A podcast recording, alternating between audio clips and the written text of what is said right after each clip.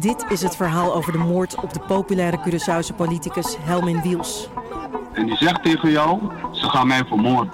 Maar je kan het niet stoppen. Wiels de moordzaak is nu te beluisteren in je podcast-app.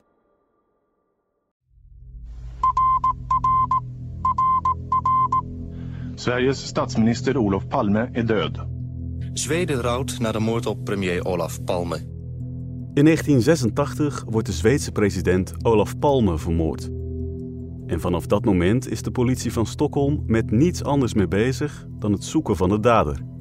De aanslag werd gepleegd op de hoek van de Tunnelstraat en de Sveaweg. Maar kort daarna wordt er nog een moord gepleegd. Eentje die door deze massale klopjacht veel minder aandacht krijgt.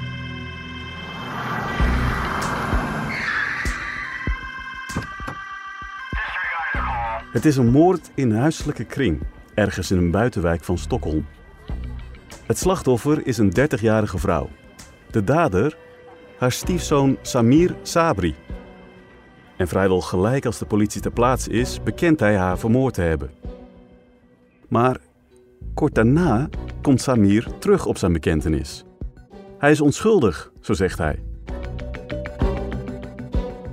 Klopt het wat Samir beweert? Is hij echt onschuldig? En als hij de moord niet pleegde, wie dan wel? Je hoort het in de stiefmoedermoord.